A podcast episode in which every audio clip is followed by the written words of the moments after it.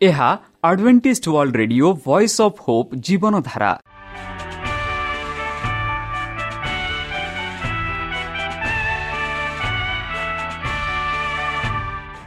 Odia radio କାର୍ଯ୍ୟକ୍ରମ ଯାହା ଆମର ଆନ୍ତର୍ଜାତୀୟ ଆଘାତ କେନ୍ଦ୍ରରୁ ପ୍ରସାରଣ କରାଯାଉଛି ପ୍ରତିଦିନ ରାତି ନଅଟା ତିରିଶ ମିନିଟ୍ରେ।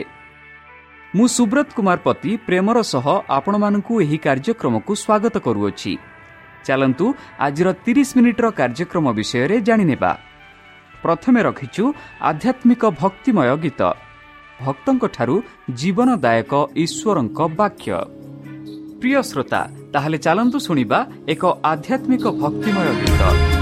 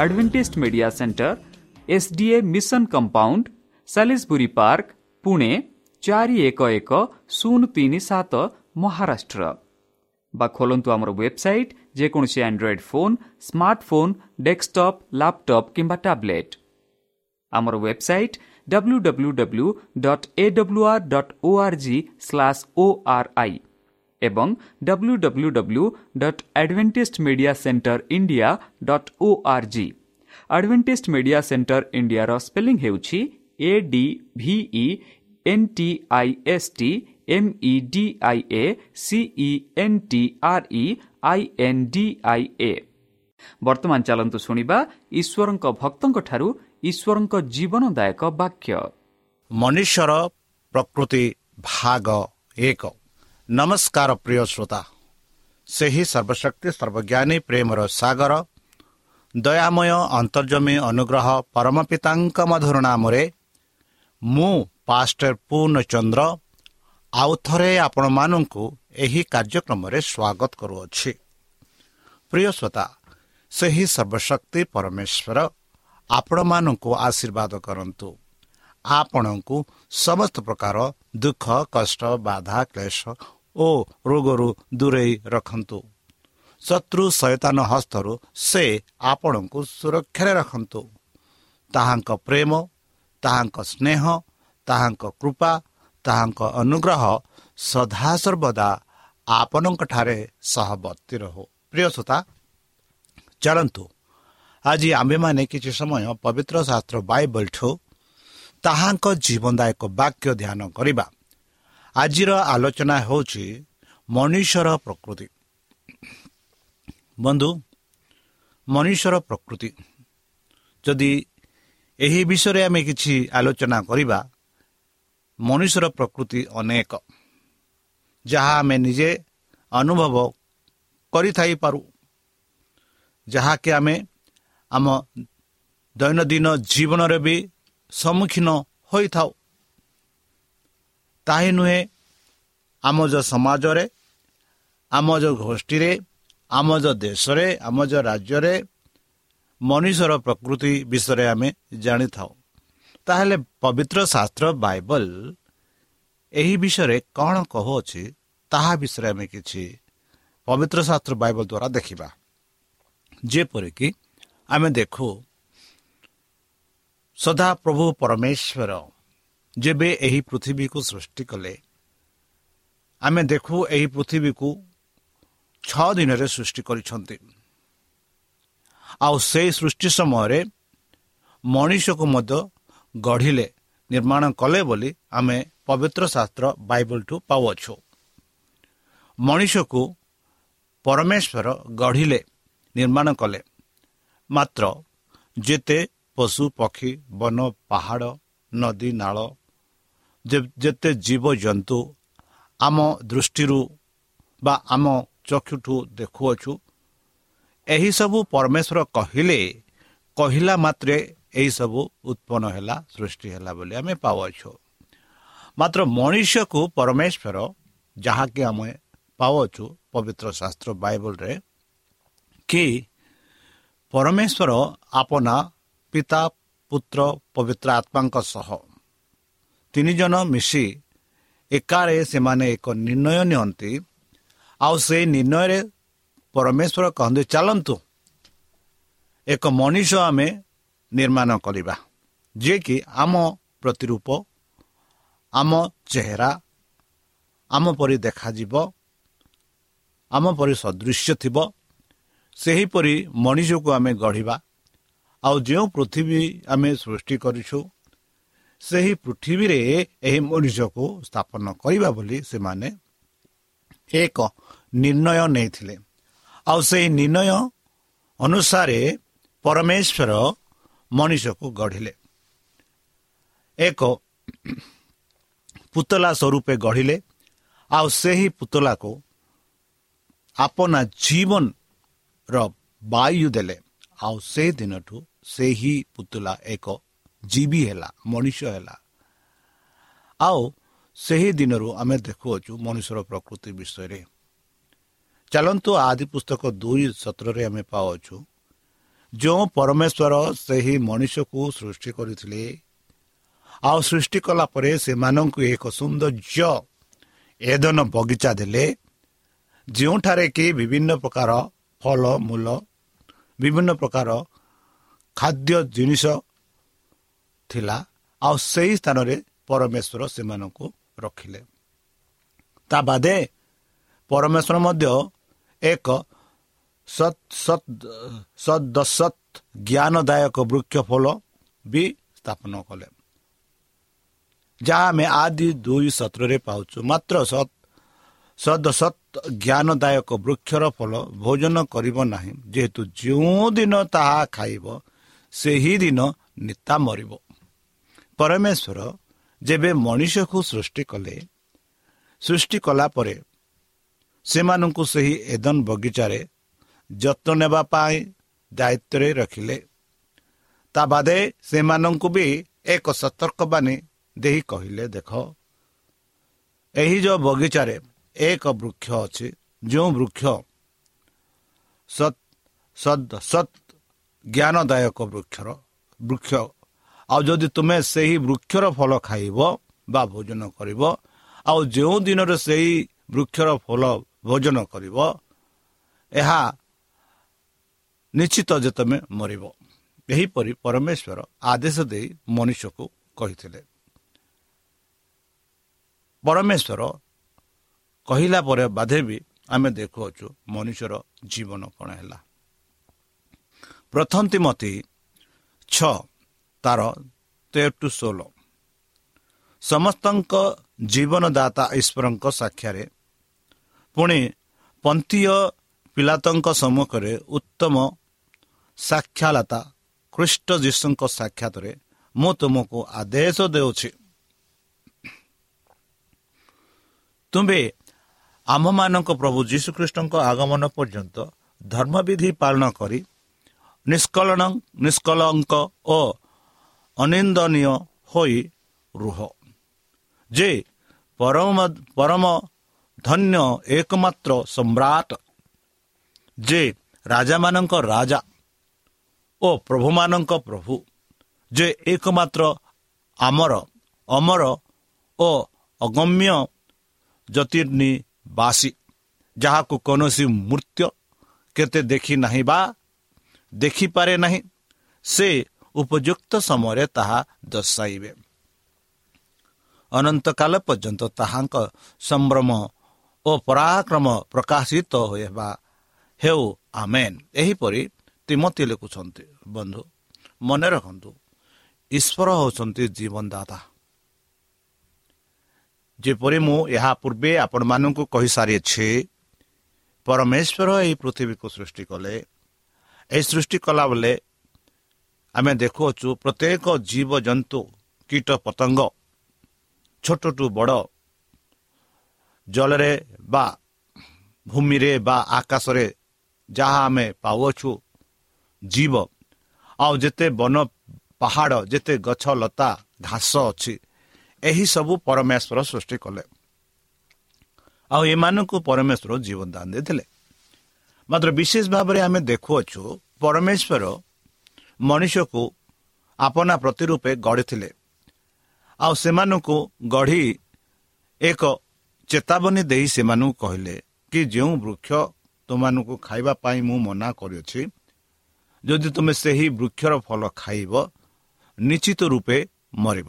ଯେପରି ଆଦି ପୁସ୍ତକରେ ଆମେ ପାଉଛୁ ତୁମେ ମାଠିରେ ମାଠି ଦ୍ୱାରା ନିର୍ମାଣ ହୋଇଅଛ। ଆଉ ଏଇ ଯେଉଁ ମାଠିର ଶରୀର ପୁଣି ମାଠିକୁ ଫେରିଯିବ। ଏଥି କାରଣରୁ ତୁମେ ଏଇ ଯେଉଁ ଫଳ ଖାଇବ ନାହିଁ। ଏଠି ଆମେ ଦେଖୁଅଛୁ ତିମତି ଦେଖନ୍ତି କି ଏଇ ଯେତେ ଜୀବ ଅଛନ୍ତି ସେମାନଙ୍କ ସମସ୍ତ ଜୀବନଦାତା ହେଉଛନ୍ତି ଈଶ୍ୱର। ପୁଣି ପନ୍ତୀୟ ପିଲାତାଙ୍କ ସମ୍ମୁଖରେ ଉତ୍ତମ ସାକ୍ଷତା ଖ୍ରୀଷ୍ଟ ଯୀଶୁଙ୍କ ସାକ୍ଷାତରେ ମୁଁ ତୁମମାନଙ୍କୁ ଆଦର୍ଶ ଦେଉଛନ୍ତି ଏଠି ଆମେ ପାଉଛୁ ସେହି ଯୀଶୁ ଖ୍ରୀଷ୍ଟ ଯିଏକି ପନ୍ତୀୟ ପିଲାତାଙ୍କ ସମ୍ମୁଖରେ ଛିଡ଼ା ହୋଇଥିଲେ ଆଉ ଉତ୍ତମ ସାକ୍ଷାତତା ଖ୍ରୀଷ୍ଟ ଯୀଶୁଙ୍କ ସାକ୍ଷାତରେ ମୁଁ ତୁମକୁ ଆଦେଶ ଦେଉଛି ବୋଲି ଯେ କି ତିମତି ଲେଖନ୍ତି ସେହି ଯୀଶୁ ଖ୍ରୀଷ୍ଟ ଥିଲେ ସେତେବେଳେ ଯେବେକି ମଣିଷକୁ ସୃଷ୍ଟି କଲେ। ଆଉ ତାହାଙ୍କ ନାମ ନେଇ ତିମତି ଲେଖନ୍ତି ତାହାଙ୍କ ସାକ୍ଷା ଦେଖି ସେହି ଯୀଶୁ ଖ୍ରୀଷ୍ଟ ଯିଏକି ସମସ୍ତଙ୍କର ଜୀବନ ଦାତା ଈଶ୍ୱର। ସେ ହେଉଛନ୍ତି ଆମମାନଙ୍କ ପ୍ରଭୁ ଯୀଶୁ ଖ୍ରୀଷ୍ଟ। ଆଉ ତାଙ୍କ ଆଗମନ ପର୍ଯ୍ୟନ୍ତ ଆମମାନେ ସମସ୍ତେ ଧର୍ମବିଧି ପାଳନ କରି ନିଷ୍କଳଙ୍କ ଓ ଅନନ୍ଦନୀୟ ହୋଇ ରହୁ।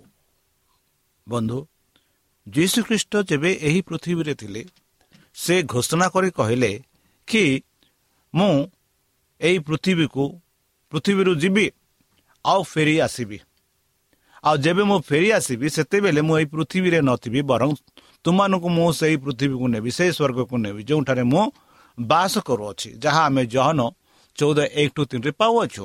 ଯାହା ଆପଣ ଶିଷ୍ୟମାନଙ୍କୁ ପ୍ରତିଜ୍ଞା କରି କହିଲେ କି ତୁମର ହୃଦୟ ଉଦ୍ବିଗ୍ନ ନ ହଉ ଯେହେତୁ ମୁଁ ମୋ ପିତାଙ୍କ ପାଖକୁ ଯାଉଅଛି। ଆଉ ମୋ ପିତାଙ୍କ ସ୍ଥାନରେ ଅନେକ ଘର ଅଛନ୍ତି।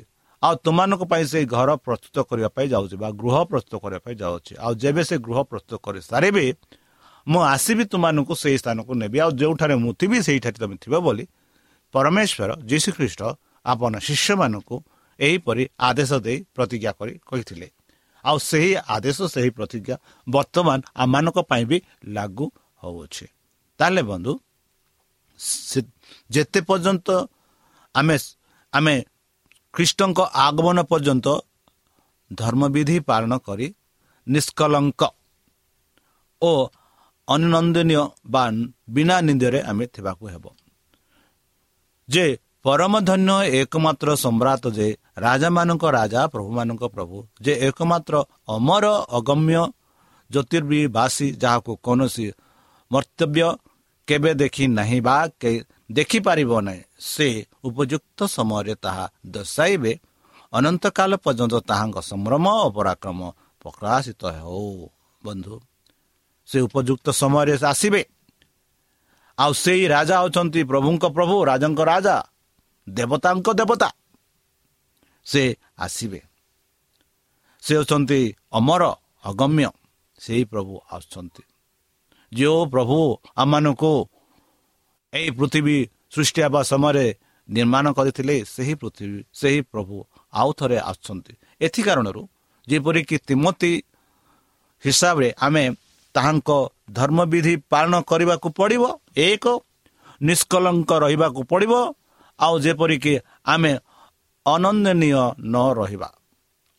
ତାଙ୍କ ସମ୍ମୁଖରେ ଯେପରିକି ଆମେ ନିନ୍ଦାନୀୟ ନ ହେବା ଯେପରି ଆମେ ତାଙ୍କ ସହ ସେହି ସ୍ୱର୍ଗରାଜ୍ୟରେ ରହିପାରିବା।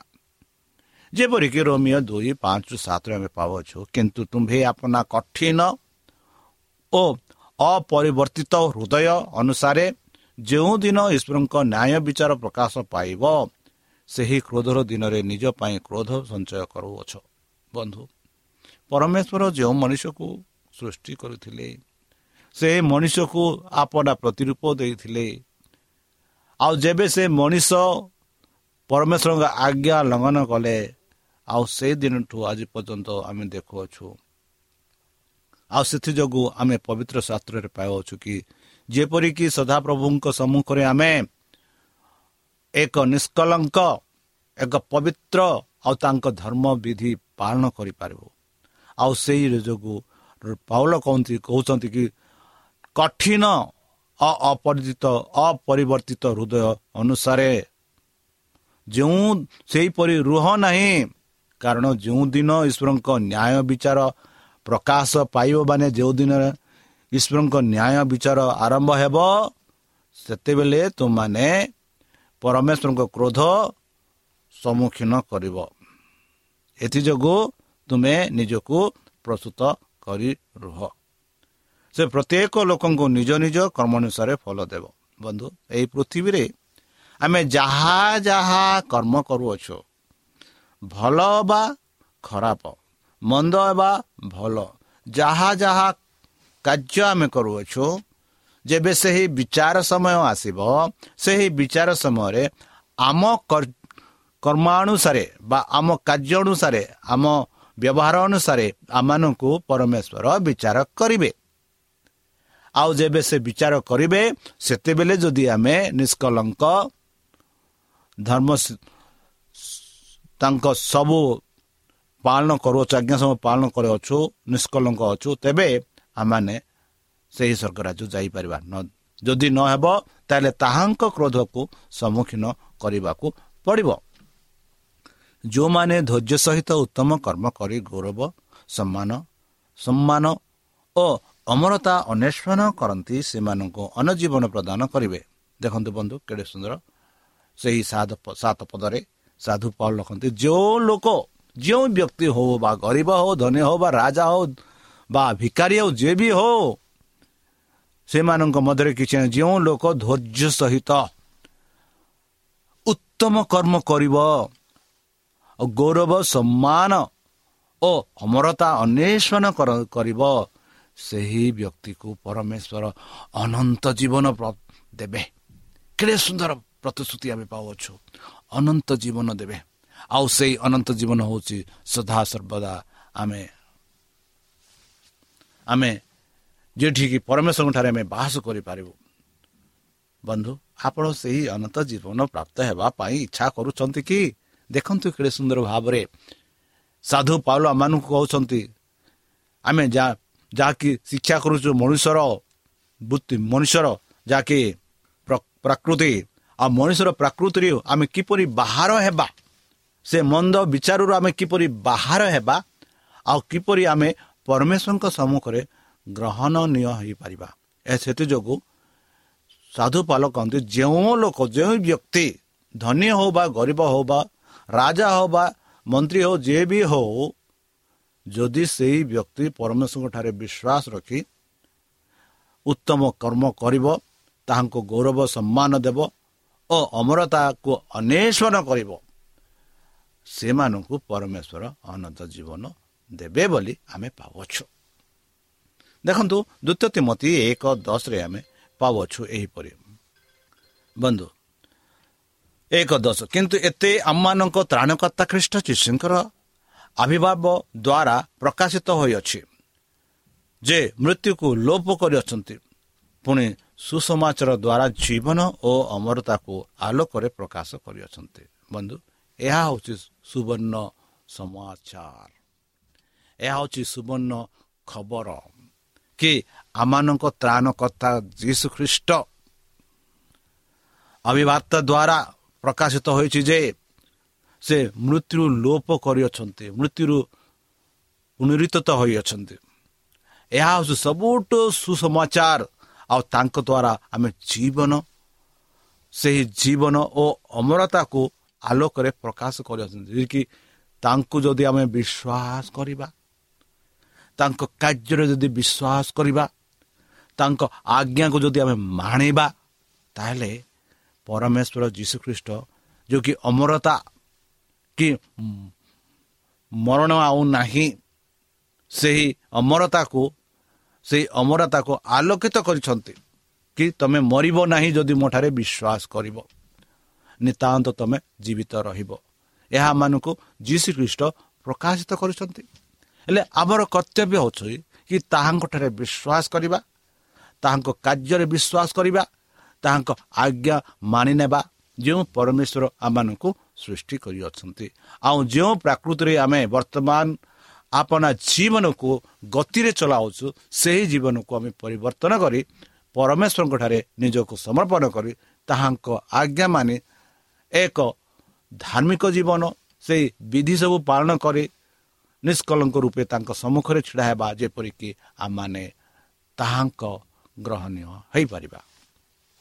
ଜହନ ତିନି ଷୋହଳ। ଏହା ହେଉଛି ଏକ ସୌନ୍ଦର୍ଯ୍ୟ ପଦ। ଯାହା ଆମେ ଯଦି ଦେଖିବା ଏଠି କହୁଛି କାରଣ ଈଶ୍ୱର ଜଗତକୁ ଏଡ଼େ ପ୍ରେମ କଲେ ଯେ। ଦେଖନ୍ତୁ ପ୍ରଭୁ କାରଣ ଈଶ୍ୱରକୁ ଜଗତକୁ ଏଡ଼େ ପ୍ରେମ କଲେ ଏ ଯେଉଁ ଏ ପଦଟା ଏଡ଼େ ତାର ଗଭୀର ତାର ଉଚ୍ଚା ତାର ଲମ୍ବା ଆମେ କେବେ ହେଲେ କରିପାରିବା ନାହିଁ। ଏଡ଼େ ପ୍ରେମ। ସେ ଆପଣା ଦ୍ୱିତୀୟ ପୁତ୍ରଙ୍କୁ ଦାନ କଲେ। ସେ ଏକମାତ୍ର ପୁତ୍ର ପରମେଶ୍ୱରଙ୍କ ଆଉ ପୁତ୍ର ନଥିଲେ ଏକମାତ୍ର ପୁତ୍ରକୁ ସେ ଦାନ କଲେ। ଆଉ ଯେହେତୁ ପରମେଶ୍ୱର ଏକମାତ୍ର ପୁତ୍ରକୁ ଦାନ କଲେ କାହିଁକି ପରମେଶ୍ୱର ଆମମାନଙ୍କୁ ପ୍ରେମ କଲେ? କେତେ ପ୍ରେମ କଲେ? ଏଡ଼େ ପ୍ରେମ କଲେ। ଆଉ ସେ ପ୍ରେମକୁ ଆମେ ମାପିପାରିବା ନାହିଁ।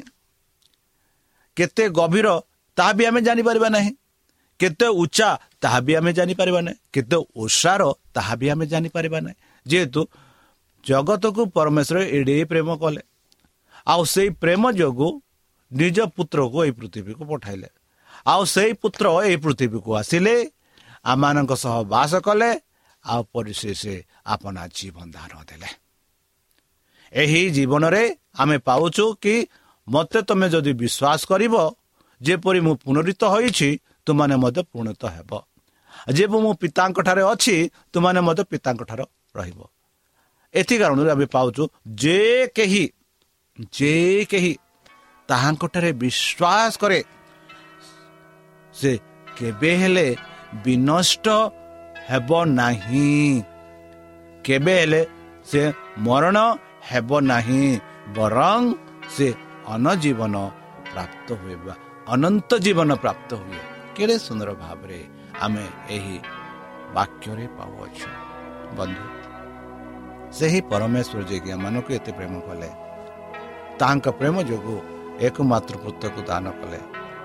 ଆଉ ଯେ କେହି ତାଙ୍କଠାରେ ବିଶ୍ୱାସ କରନ୍ତି ନିଶ୍ଚିତ ରୂପେ ସେମାନେ ଅନନ୍ତ ଜୀବନ ପ୍ରାପ୍ତ ହେବେ। କ'ଣ ଆପଣମାନେ ସେହି ଅନନ୍ତ ଜୀବନ ପ୍ରାପ୍ତ ହେବା ପାଇଁ ଇଚ୍ଛା କରୁଛନ୍ତି କି? ତାହେଲେ ଚାଲନ୍ତୁ ନିଜକୁ ସମର୍ପଣ କରି ତାହାଙ୍କ ମଧୁର ନାମରେ ଆମେ ପ୍ରାର୍ଥନା ଉତ୍ସର୍ଗ କରିବା। ହେ ଆମ୍ଭମାନଙ୍କ ସର୍ବଶକ୍ତି ସର୍ବଜ୍ଞାନୀ ପ୍ରେମର ସାଗର ଦୟାମୟ ଅନ୍ତର୍ଜମୀ ଅନୁଗ୍ରହ ପରମ ପିତା ଧନ୍ୟବାଦ ଅର୍ପଣ କରୁଛୁ ପ୍ରଭୁ। ବର୍ତ୍ତମାନ ଯେଉଁ ବାକ୍ୟ ତୁମ ସେହି ଭକ୍ତ ଶୁଣାଇଲେ ସେହି ବାକ୍ୟ ଅନୁସାରେ ଏମାନଙ୍କୁ ଚାଲିବା ପାଇଁ ବୁଦ୍ଧିରେ ଜ୍ଞାନରେ ଶକ୍ତିରେ ପରିପୂର୍ଣ୍ଣ କର। ଆମ ପାପ ସବୁ ତୁମ ସେହି ବହୁମୂଲ୍ୟ ରକ୍ତରେ ପରିଷ୍କାର ରୂପେ ଧୋଇ ଦିଅ। ଆଉ ପରିଶେଷ ଯେବେ ତୁମ୍ଭେ ତୁମ ସେହି ସହସ୍ର ଦୂତଙ୍କ ସହ ଆସିବେ ସେତେବେଳେ ଆମମାନଙ୍କୁ ଏକ ବାସ ସ୍ଥାନ ଦିଅ ବୋଲି ତ୍ରାଣକର୍ତ୍ତା ପ୍ରଭୁ ଯୀଶୁଙ୍କ ମଧୁରମୟ ନାମରେ ଏହି ଛୋଟ ବିକ୍ଷମ ଅଛି ଶୁଣି ଗ୍ରହଣ କର। ଆମେନ୍। প্রিয় শ্রোতা আমি আশা করুছু যে আমার কার্যক্রম আপনার পসন্দ লাগুব আপনার মতামত পাই আমার এই ঠিকার যোগাযোগ করতু আমার advantage media centre SDA mission compound সাি park Pune চারি এক এক শূন্য তিন সাত মহারাষ্ট্র বা খোলতু আমার ওয়েবসাইট যেকোন Android phone smartphone desktop laptop কিংবা ট্যাবলেট আমার website W W W dot A W R dot O R G slash O R I ଏବଂ W W W dot Adventist media centre India dot O R G Adventist media centre ଇଣ୍ଡିଆର spelling ହେଉଛି A D V E N T I S T M E D I A C E N T R E I N D I A ଅଥବା download କରନ୍ତୁ ଆମର mobile app ଆପଣଙ୍କର mobile play ଷ୍ଟୋରକୁ ଯାଆନ୍ତୁ ଆଉ type କରନ୍ତୁ the voice of hope ଆଉ download କରନ୍ତୁ। ଈଶ୍ୱର ଆପଣଙ୍କୁ ଆଶୀର୍ବାଦ କରନ୍ତୁ। ଧନ୍ୟବାଦ।